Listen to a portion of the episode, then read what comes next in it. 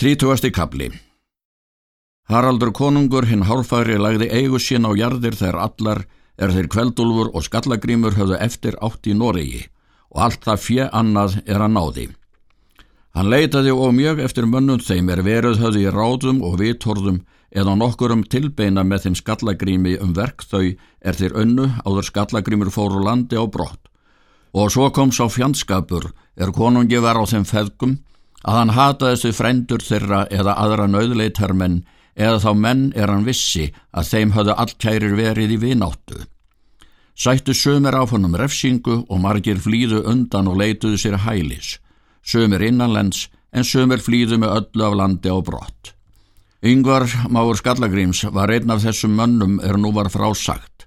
Tók hann það ráð að hann varði fjesínu svo sem hann mátti í lausa eiri og fekk sér hafskip reði þar menn til og bjó ferð sína til Íslands því að hann hafi þá spurt að skallagrimur hafi tekið þar staðfestu og eigi myndi þar skorta landkosti með skallagrimi. En er þeir voru búnir og byr gaf þá syldi hann í haf og greittist ferð hans vel. Kom hann til Íslands fyrir sunna landið og hjælt vestru fyrir Reykjanes og syldi inn á Borgarfjörð og hjælt inn í Langá og upp allt til Fossa. Báruð þar farm af skipinu.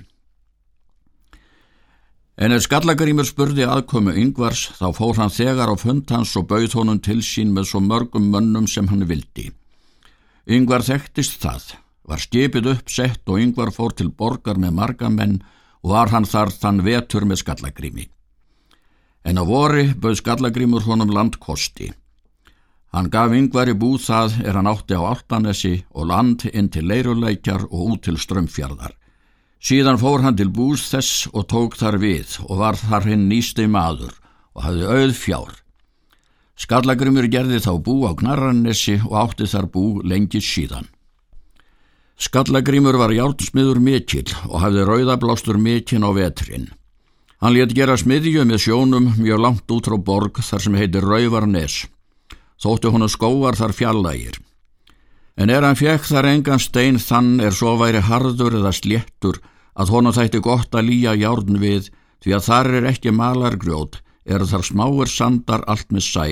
Var það eitt kveld þá er aðrin menn fór að sofa að skallagrimur gekk til sjóvar og hratt fram skipi áttæru er hann átti og reri út til miðfjardar eiga.